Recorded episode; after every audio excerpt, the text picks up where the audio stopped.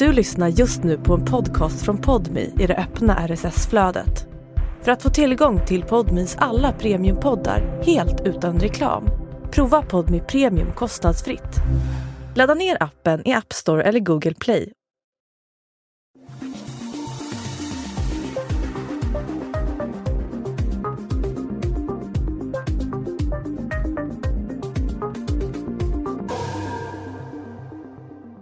I mitten av 90-talet hittas en kropp i ett grustag någon mil utanför Jönköping. Den tillhör en yngre man som har blivit mördad. Men i länet finns inga försvinnanden som passar in. Efterforskningen leder dock till ett namn och det i sin tur till flera förhör. Polisen har sina misstankar om vem som ligger bakom mordet och snart också teknisk bevisning att luta sig mot. Men det ena går inte att koppla till det andra. Gripande blir till häktning, häktning till frisläppning. För ett åtal krävs det mer. Någon behöver berätta som det var. Men i förhörsrummen är det tyst.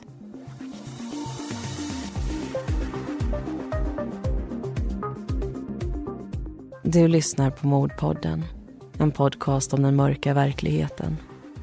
I veckans avsnitt ska du få höra berättelsen om Mullsjömordet.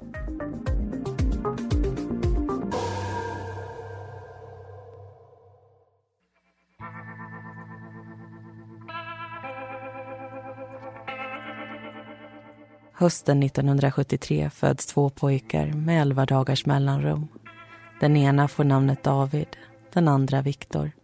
Pojkarna växer upp i Stockholms södra förorter, Johanneshov och Bagarmossen.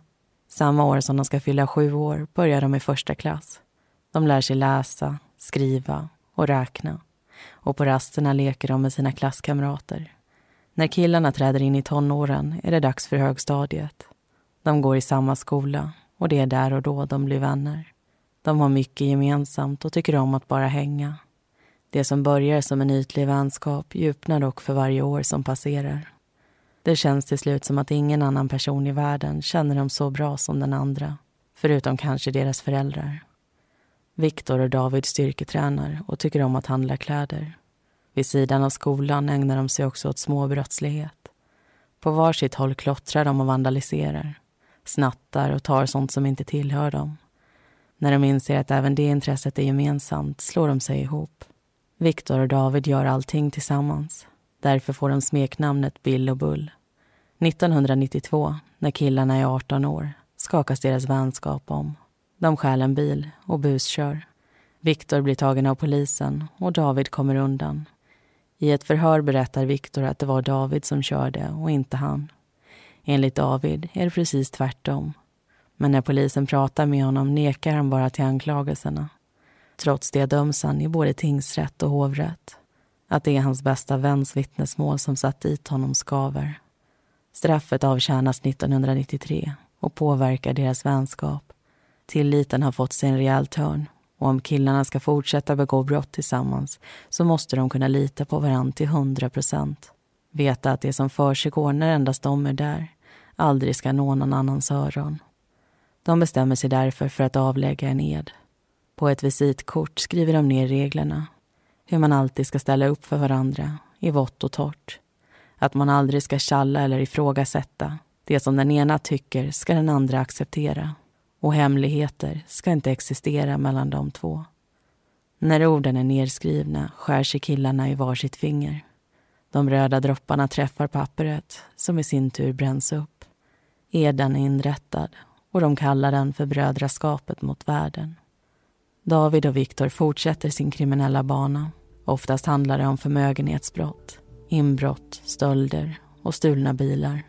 De har också skaffat sig en hälare, det vill säga en person som säljer vidare det som killarna stjäl.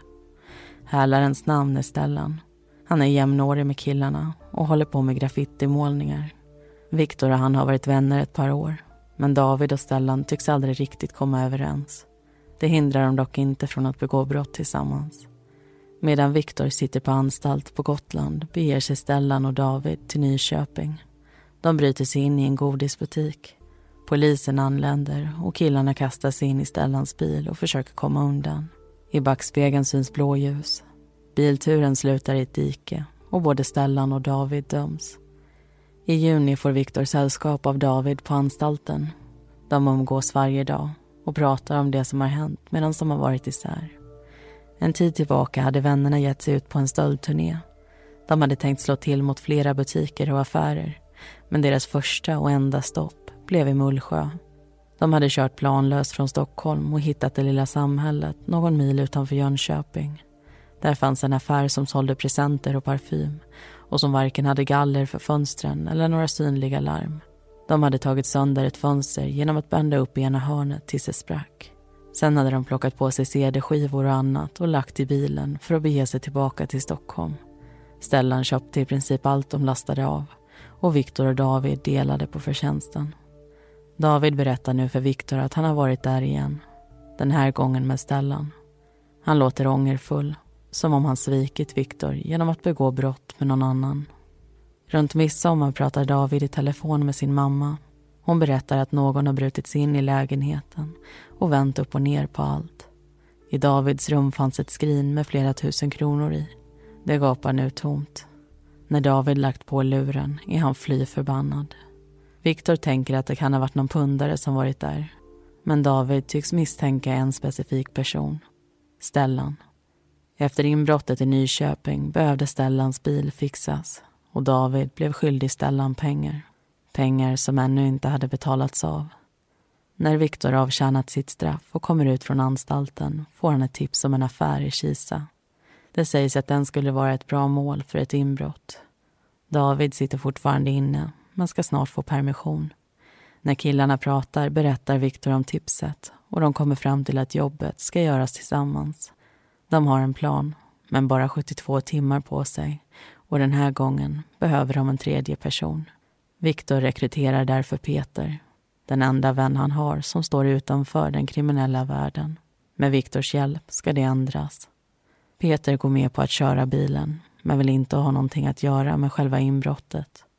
Planen spikas och i samma stund som Davids permission börjar väntar vännerna utanför med en bil. De kör till färjeterminalen, tar båten över till fastlandet och kör mot Kisa. Det är mörkt när de kommer fram och Peter släpper av killarna i centrum. Sen fortsätter han till den valda mötesplatsen. Viktor och David bryter sig in i en bil och tar den till affären. De krossar ett fönster och bär ut en mängd jackor. Sen sätter de sig i bilen och kör mot mötesplatsen. Planen är att lasta över stöldgodset i Peters bil och köra mot Stockholm. Men på vägen dit ser de någonting som liknar en polisspärr. De kör åt andra hållet och åker direkt mot huvudstaden. Peter vet att han ska vänta till småtimmarna. Dyker de inte upp ska han åka hem. Dagen efter inbrottet är alla i Stockholm. Stöldgodset ligger i Davids förråd och under veckan ska Viktor sälja det vidare till Stellan. Peter får lite kläder som tack och Viktor och David delar på ungefär 30 000 kronor. Kriminaliteten har blivit en del av killarnas liv. De gör inbrott och stjäl, sitter på anstalt, muckar, åker på resor och köper dyra saker. I november ska det hela trappas upp och i januari 1995 spåra ur totalt.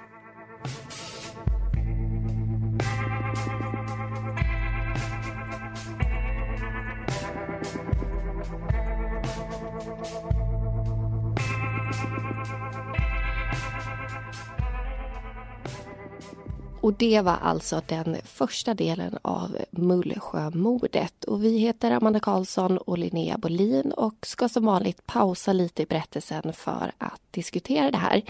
Och det här är ju vårt andra premiumavsnitt för 2020. Och vi har ju fått in väldigt många tips och önskemål om fall hittills. Så fortsätt gärna mejla oss eller skicka på Facebook om eh, du har någonting som du vill att vi ska berätta om. Och vi har lyssnat på första berättelsen i det här fallet. Man kan ju säga att det är ganska stort fokus på bakgrunden och hur de här människorna träffar varandra, deras relationer till varandra och även deras kriminella sida. Och i diskussionen så är tanken att vi ska dyka lite djupare i det här ämnet. Ja, och David och Viktor, de är ju två relativt unga killar. De får ju en snabb bana in i det här kriminella skulle jag säga. De går från klotter och vandalism till eh, förmögenhetsbrott. Och förmögenhetsbrott det är brott som innebär ekonomisk skada för någon, exempelvis stöld, bedrägeri, förskingring, rån, bilstöld, alltså sådana saker. Det är det som de sysslar väldigt mycket med. Och båda de döms första gången 1992. Då pratar vi om rån och vi pratar om trafikbrott. 93, alltså året därpå, så döms Viktor för brott mot vapenlagen och året därpå så döms David för olaga vapeninnehav. Och de får... Say hello to a new era of mental health care. Cerebral is here to help you achieve your mental wellness goals with professional therapy and medication management support. 100% online.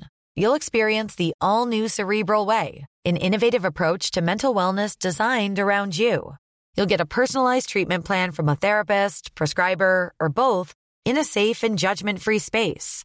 Your cerebral therapist or prescriber will outline a customized plan with clear milestones along the way so you can get to feeling your best. With Cerebral, you're not alone in your mental health journey. We're here to empower you to live a fulfilling life. So take that first step towards a brighter future and sign up today at cerebral.com slash podcast and use code ACasts to get 15% off your first month. Offer only valid on monthly plans. Other exclusions may apply. Offer ends July 31st, 2024. See site for details. Ryan Reynolds here from Mint Mobile. With the price of just about everything going up during inflation, we thought we'd bring our prices down. So to help us, we brought in a reverse auctioneer, which is apparently a thing. Mint Mobile unlimited premium wireless. Have to get 30, 30, bit to get 30, bit to get 20, 20, 20, bit to get 20, 20, bit to get 15, 15, 15, 15 just 15 bucks a month. So, Give it a try at mintmobile.com/switch. slash $45 upfront for three months plus taxes and fees. Promo rate for new customers for limited time. Unlimited more than 40 gigabytes per month. Slows. Full terms at mintmobile.com. fängelsestraff. Ibland är de så långa som ett år och fyra månader. Men gång på gång så faller alltså de här killarna tillbaka i brottslighet. Mm, och I den första berättelsen så har vi tagit upp delar av David, Viktor och Stellans brottslighet. Och Viktor och Stellan de är alltså vänner och David och Stellan begår flera brott tillsammans. Och David berättar det för Viktor och ett av brotten som de gör det är inbrottet i Nyköping där Stellans bil krockskadas efter att en biljakt slutar i ett dike för deras del. Ja, och enligt David så slutar ju notan på ungefär 20 000 kronor. Men enligt Viktor så hamnar den på 27 000 kronor. Eh, oavsett vilket så bestämmer sig Stellan och David troligtvis för att dela på den här. Men sen sker ju det här inbrottet i Davids lägenhet. Eh, David sitter på anstalt vid tillfället och hans mamma har varit där. Hon har vädrat och lämnat ett av fönstren öppna. Och så tror man att det är som den här personen har tagit sig in. Och efteråt så hittar de ju det här skrinet på hans rum som är tomt på pengar. Och det var inte många som visste om att det fanns pengar där i. Så då kan man fråga sig, handlar det om ren tur eller kanske kunskap? Men Stellan visste om det, men han satt också inne när det här hände. Enligt Viktor så blev David väldigt arg. Han var säker på att det var Stellan som låg bakom det här. Och enligt David så fanns inga sådana misstankar. Han visste inte vem som hade tagit pengarna. Och hur mycket pengar handlar det om då kan ju vara relevant att veta. Men här är de också oense. Enligt Viktor så handlar det om 20 000 kronor och enligt David om en betydligt mindre summa, nämligen 9 000 kronor. Så det är med andra ord inte helt självklart vad som händer där. Nej. Och vi ska ta upp en sak till och det är ett eh, bedrägeri. Viktor och Stellan får nämligen en idé och det här sker lite längre fram i tiden. Det är början av 1995 men vi tar upp det nu för att ni ska få lite bakgrundskunskap kring det helt enkelt.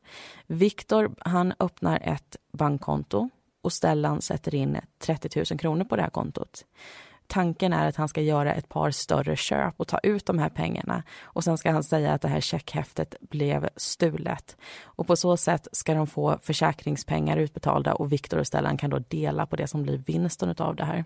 Men riktigt så går det inte till. Viktor får inga checkar från banken men tar ändå ut Stellans pengar så han blir därmed skyldig honom 30 000 kronor. Så vid ett tillfälle står både Viktor och David i skuld till Stellan. Och vi ska diskutera mer om ett litet tag men först så måste vi få mer information om det här fallet och det ska vi få nu i den andra berättelsen.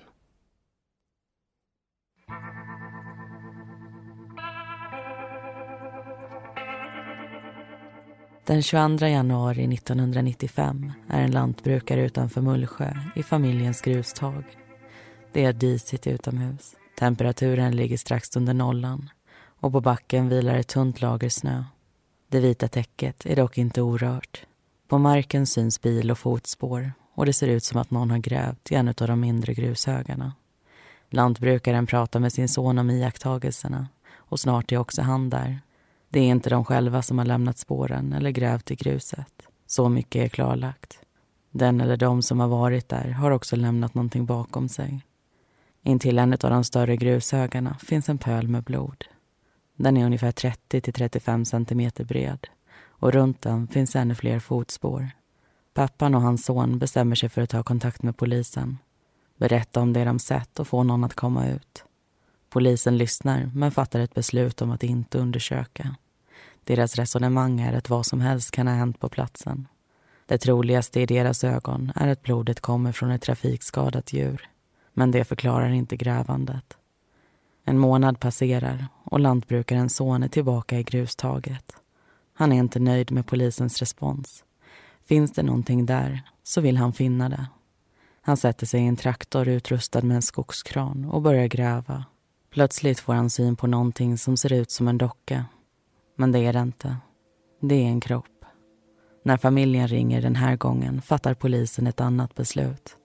Grustaget är nu en fyndplats och eventuell brottsplats. Kriminaltekniker går igenom det från sida till sida medan kroppen täcks över och förs med likbil till en rättsläkare. Man kan dock redan dra en slutsats. Personen som kroppen en gång tillhört har blivit utsatt för omfattande våld.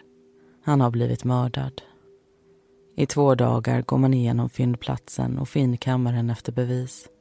Det är en skogsväg som leder dit och genom grustaget går en grusväg.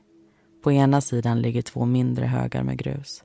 Det är en av dem som kroppen hittats. I minst en månad har den legat dold där under ungefär 80 centimeter grå massa. Den tillfälliga graven har varit en meter bred och ungefär en halv meter hög. Där huvudet varit placerat finns en hel del blod. På andra sidan vägen står höbalar, en p-plats och en större grushög. Det är i närheten av den som bilspåren och blodpölen sätts en månad tidigare. Sedan dess har det mesta av snön smält. Bara strängar är kvar. Eftersom spåren inte längre går att urskilja är pappans och sonens berättelser extra viktiga. De förklarar så detaljerat de kan och hjälper polisen med en skiss. Det ena bilspåret var relativt rakt, det andra som en halvcirkel. De pekar ut vart blodfläcken synts och hur stor den var. När den tekniska undersökningen är klar har ett par saker dokumenterats och samlats in. Vid ett ställe hittas benbitar. De kommer dels från en skalle och dels från en armbåge. Man hittar också tänder och en hårtuss. En meter ifrån graven plockas förladdningar och tomhylsor upp. Kalibern är 12 blyhagel. Där finns också tygrester från en jacka, en skjorta och ett par jeans. Mannen som mördats har troligtvis blivit skjuten med ett hagelgevär som använt så kallat varghagel. Vart han skjutits är inte självklart men troligtvis i närheten av den tillfälliga graven. Och så en sak till. Båda hans händer och den ena foten har avlägsnats. När kroppen anländer till rättsläkarstationen i Göteborg gås den igenom noggrant. Huden är täckt av sand och grus och det är svårt att se några sårytor. Man kan dock fastställa att avlägsnandet av kroppsdelarna varken gjorts med finess eller anatomisk insikt. En liten tröst i det hela är att det har skett då mannen redan var död. Läkaren som utför obduktionen noterar skador på bland annat skallen, armbågen och ryggraden. Det dödande skottet är det som har träffat först. Det har gått in i magen, träffat ena lungan, levern och bröstkorgen. Skottet har lett till omfattande blödningar och de skott som träffar därefter har avlossats när mannen redan var död.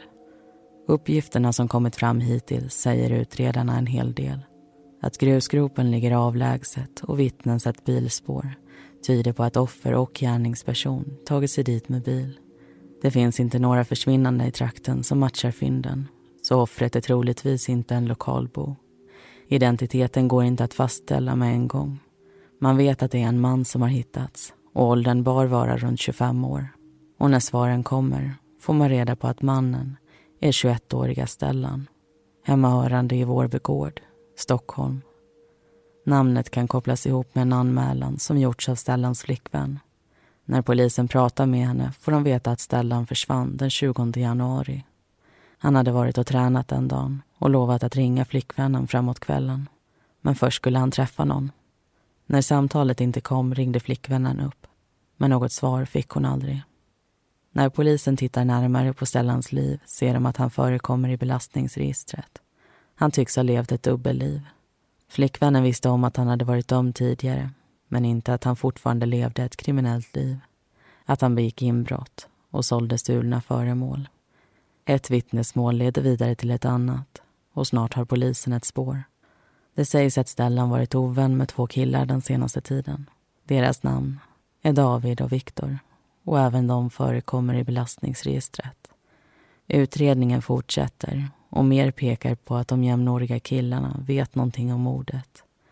I mars bestämmer man sig för att gripa dem. De kliver av ett plan från Bali och på Arlanda väntar polisen. I tre dagar sitter de häktade. Sen släpps de fria. Det finns inte tillräckligt för att väcka åtal, menar åklagaren. De behöver mer. En förståelse för vad som faktiskt hänt och kunna knyta någon till det. Den 13 april görs ett fynd i Furusundsleden norr om Stockholm. Mitt i den vackra skärgården får ett par fiskare syn på en plastpåse. Polisen tillkallas och fyndet tas om hand.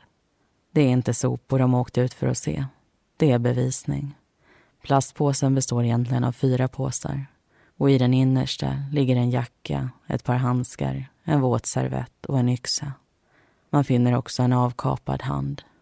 Det senare fyndet skickas till fingeravtrycksavdelningen. Handen har legat i vattnet en tid men de lyckas ändå få till ett avtryck och snart har de en matchning. Det är Stellans. Jackan är troligtvis hans den med. I tyget finns flera hål. Hål som matchar de skador Stellan haft. Platsen i sig är intressant den med. Dagen efter Stellan försvann åkte Viktor och David på en kryssning. En kryssning som gick rakt igenom Furasundsleden.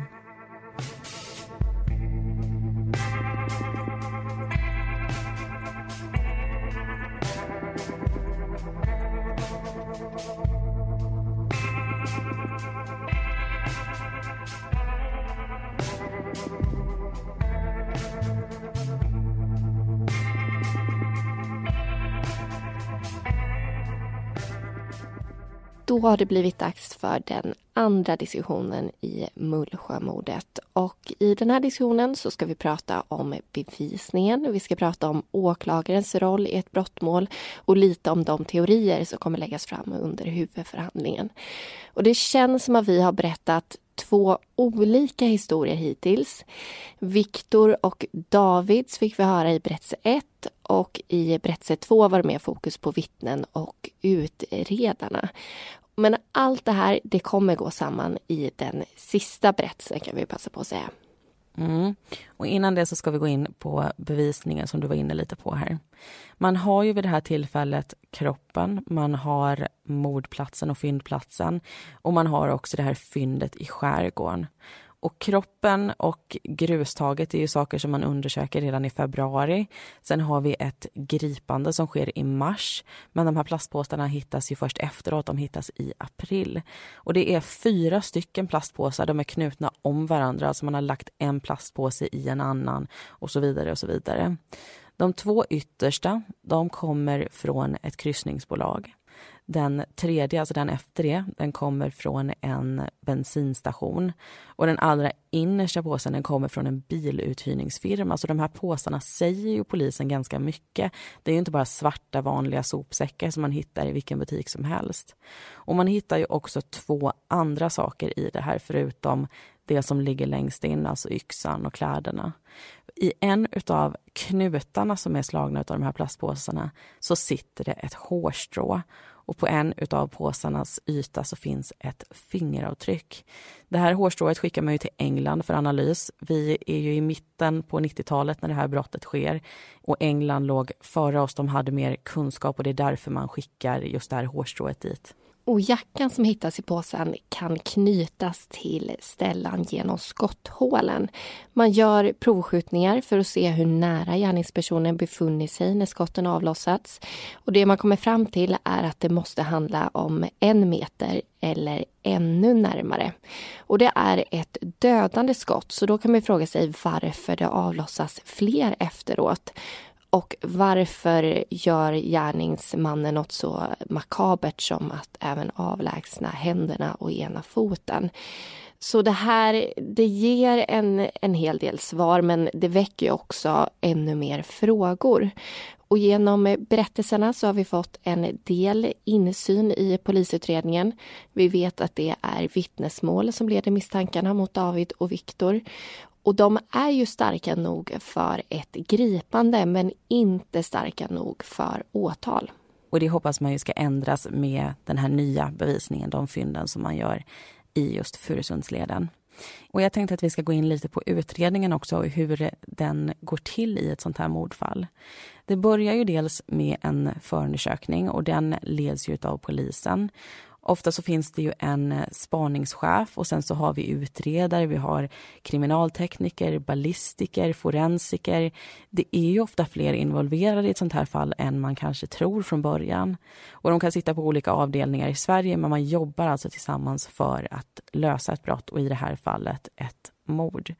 Förundersökningsledaren, det kan vara lite olika faktiskt, för det kan vara en polis som är insatt i utredningen, men det kan också vara en åklagare och ofta är det så att åklagaren går in i alla fall i slutet, om inte från allra första början. För att väcka ett åtal så måste ju åklagaren nämligen bli insatt i ett fall. Och åklagarens jobb, den består av tre delar kan man säga. Det är att utreda brott, det är att väcka åtal och det är också att delta i de här rättegångarna. Och när polisens jobb slutar och förundersökningen är klar så börjar ju den andra delen kan man säga, alltså den delen där åklagaren väcker åtal och det är startskottet för en huvudförhandling. Men det tar ofta några veckor eller till och med månader innan det blir av. Och det gör ju att försvaret också får tid på sig att förbereda sig och åklagaren också såklart. Och åklagarens jobb det är inte att sätta dit människor utan det är att ta reda på vad som faktiskt hänt och och eh, försöka få till en dom därefter. Och de lägger ju fram en teori kring vad det är som har hänt. Eh, den här teorin kan ju bygga på vittnesmål, på bevisning och även de misstänktas egna berättelser. Det som är viktigt att komma ihåg det är ju att det ändå bara är en teori. Så åklagarens jobb det är att bevisa delarna i den här teorin, alltså förklara hur ett brott har gått till, vilka som har varit inblandade och i vilken omfattning de har varit inblandade och även vilka anledningar det fanns bakom det och vilka motiv som låg till att ett brott begicks. Och försvaret i sin tur ska hjälpa sina klienter så gott det kan, berätta deras versioner. Och vill de här klienterna erkänna eller vill de neka till ett brott, då är det upp till dem. Och när huvudförhandlingen har hållits och alla har fått säga sitt, då är det ju tingsrätten som går igenom allting. De överväger och de finner vissa påståenden styrkta, vilket betyder att man anser att det är så, att det är bevisat. Och andra saker finner man inte styrkt. Och anledningen till att vi tar upp det här är dels för att vi vill att ni ska ha förståelse för hur en huvudförhandling är uppbyggd, men också för att knyta an till just det här fallet. Den teori som åklagaren kommer lägga fram i tingsrätten är att mordet på Stellan var planerat och att den planen tog form redan i slutet av 1994 när David släpptes från anstalten på Gotland och han och Viktor begav sig till Österrike.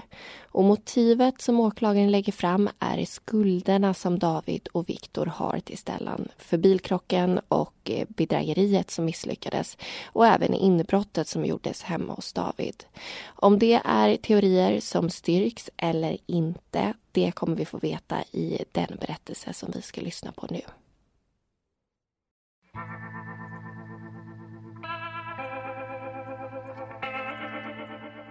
I november 1994 får David smaka på friheten igen efter en tid på anstalt. Han och Viktor brukar fira frisläppningarna med en resa och den här gången är inget undantag. De sätter sig på ett tåg som går mot Wien i Österrike. Tanken är att skaka av sig anstaltsvibbarna och njuta av allting som livet har att erbjuda. Bo på hotell, äta god mat och se sig om i den anrika huvudstaden. Men de har även ett annat syfte. För något år sedan såg David ett tv-program som handlade om jakt. De pratade om hur lätt det var att få tag i vapen i Österrike. Innan resan var av hade de därför kontaktat en vapenhandlare i Wien. När killarna kommer fram ringer de upp vapenhandlaren igen. De får en adress att gå till och dyker snart upp. Ett kinesiskt pumphagelgevär läggs fram och pengar byts mot det och ammunition. Vapnet tas tillbaka till hotellrummet där pipan enligt Viktor kapas med en bågfil. Det är för att det ska gå ner i deras väskor när de sätter sig på tåget tillbaka till Sverige. Men innan de gör det besöker de vapenhandlaren en gång till. Den här gången blir de visade ett brasilianskt hagelgevär. Det är lite dyrare än det förra och verkar en aning bättre. Köpet går igenom och killarna beger sig till en park. De har redan checkat ut från hotellet och tvingas nu bli kreativa. De ställer sig i ett buskage och börjar såga. När pipan är kortad läggs vapnet undan. Efter fem till sex dagar i Wien bär resan av hemåt. Davids tid i frihet blir kortvarig och i januari 1995 har han placerats på Sjöbodanstalten söder om Katrineholm. Han är trött på livet innanför murarna och planerar redan sin flykt därifrån. Anstalten är så kallad öppen, det vill säga att den har en låg säkerhetsklassning och saknar direkta rymningshinder. Så att ta sig därifrån borde inte vara särskilt svårt. I telefon med Viktor berättar David om sin plan. Han behöver vännens hjälp om det hela ska funka. Redan natten därpå är det nämligen dags. Till en början tänker Viktor att han kan låna en bil av en han känner. Men när det inte funkar inser han att en hyrbil också är ett alternativ. Han tror sig dock själv vara prickad i deras register och ber den vanligtvis laglydiga vännen Peter om hjälp. Peter beger sig till en biluthyrningsfirma, skriver på papper och tar emot ett par nycklar. De låser upp en blå Opel Astra. Peter har gått med på Viktors förfrågan, men har också en egen. Han ber att få följa med den natten. Vara där vid rymningsförsöket. Viktor accepterar. Det är mörkt utomhus när killarna sätter sig i bilen och kör mot anstalten. De har valt en plats där de ska vänta och en ungefärlig tid när David ska dyka upp. Det tar längre än man har tänkt sig. Men plötsligt är den 21-åriga rymmaren där. Han hoppar in i bilen och förklarar att han gått vilse. Därav fördröjningen. När han ser Peter i baksätet blir han förvånad. Under färden tillbaka till Stockholm småpratas det, bland annat om en kryssning. Ungefär fem månader efter den kvällen grips de tre männen en andra gång.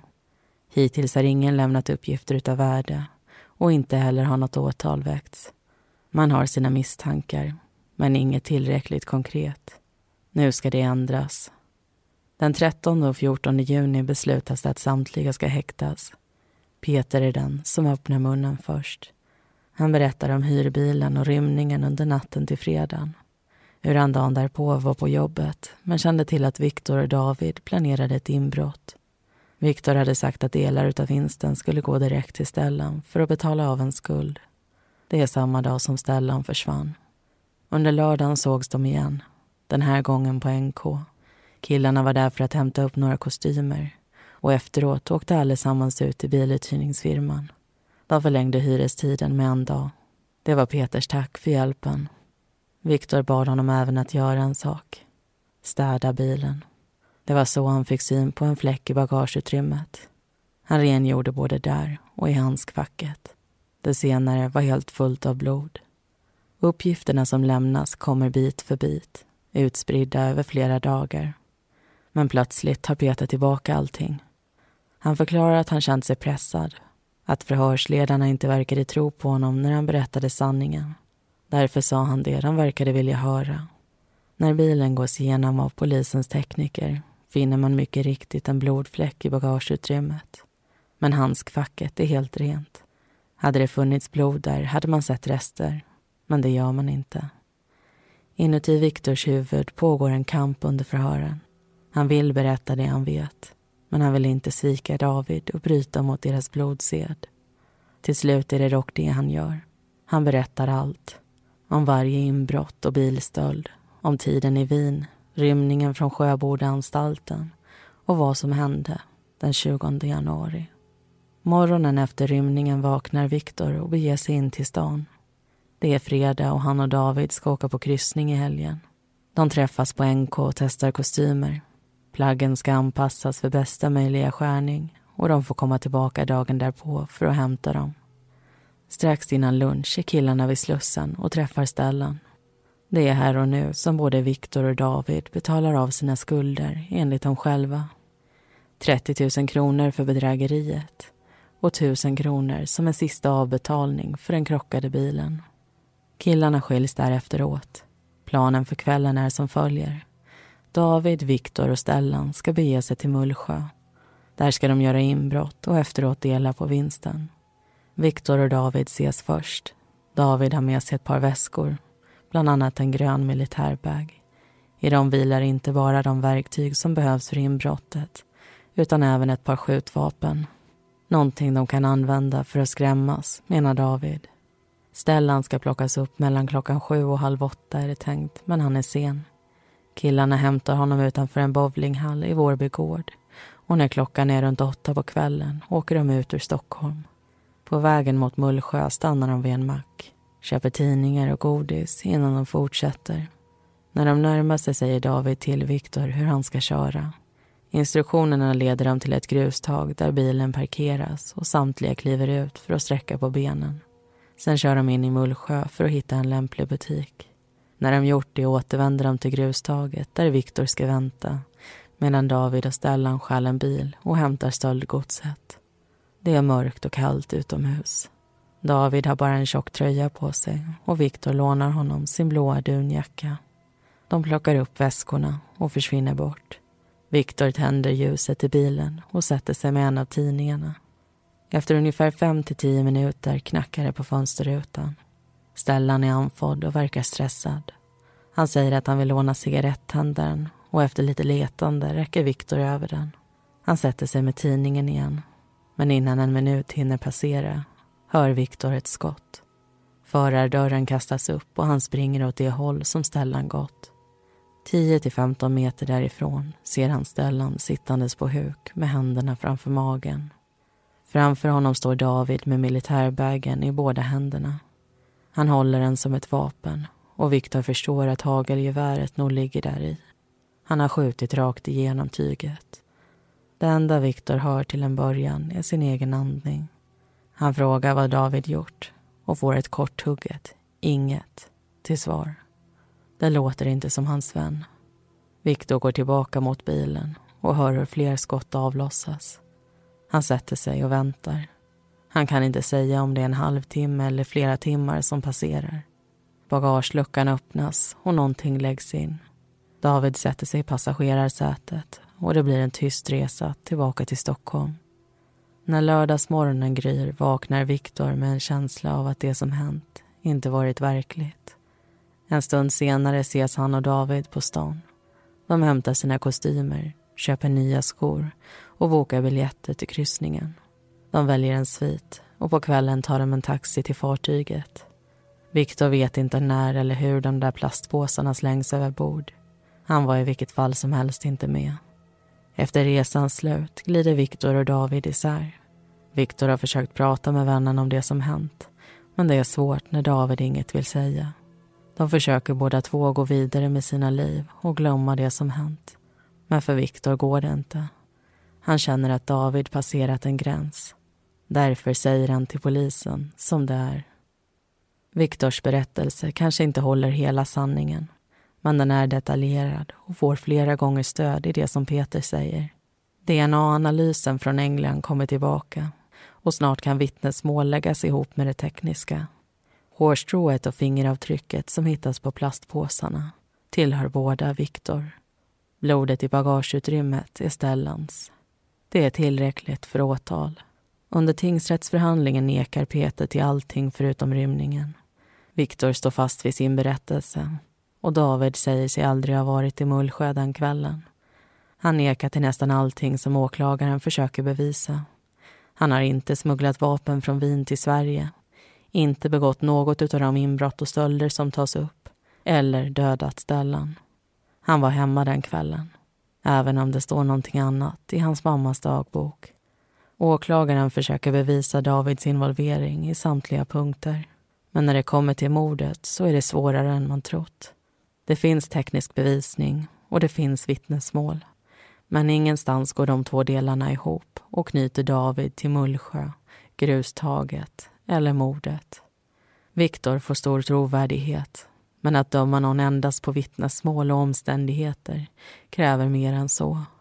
Huvudförhandlingen avslutas och domare och nämndemän sätter sig ner för att göra en bedömning.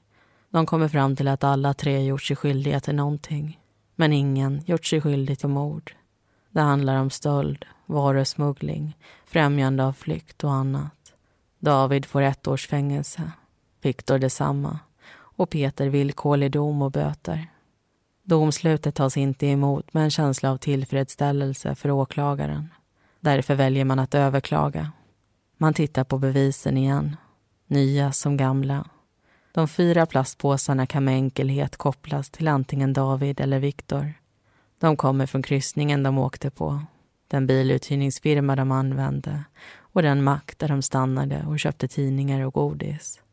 Man hittar 37 tidningsurklipp som David samlat på sig om mordet på Stellan och förstår att hans intresse för vad som framkommit är stort. Att motivet har att göra med inbrottet i Davids lägenhet eller deras skulder till Stellan lyckas åklagaren aldrig bevisa. Men hovrätten menar att det är ytterst osannolikt att både Viktor och David betalade av sina skulder samma dag som Stellan försvann. Grustaget vittnar också om en halvsanning. Det finns inga släpspår där, även om skotten träffat Stellan på en plats och han begravts på en annan. Och har kroppen inte släpats så har den burits. Viktor säger att han inte har hjälpt till att städa upp efter Stellans död. Att hans fingeravtryck och hårstrå måste ha hamnat på plastpåsarna av en slump. Men det är en slump mer än hovrätten är villig att tro på. Vem som har gjort vad går inte att säga men det är bevisat att fler än en person försökt dölja spåren efteråt. Någon vecka efter hovrättsförhandlingen kommer det nya domslutet. David döms nu för mord och en rad andra brott till tio års fängelse. Viktor får fem år och Peter åtta månader. De anses båda ha gjort sig skyldiga till främjande av flykt och skyddande av brottsling.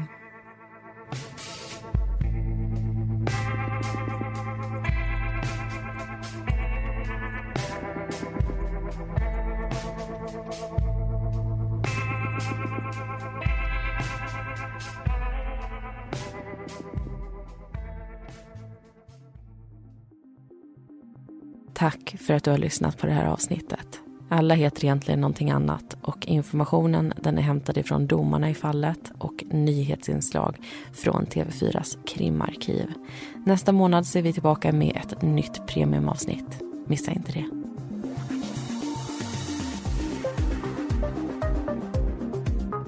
Vi som gör Mordpodden heter Linnea Bolin och Amanda Karlsson. Bakgrundsmusiken består av låtarna Lasting Hope, Lightless Dawn och Soaring av Kevin MacLeod samt Deep Space av Audionautics.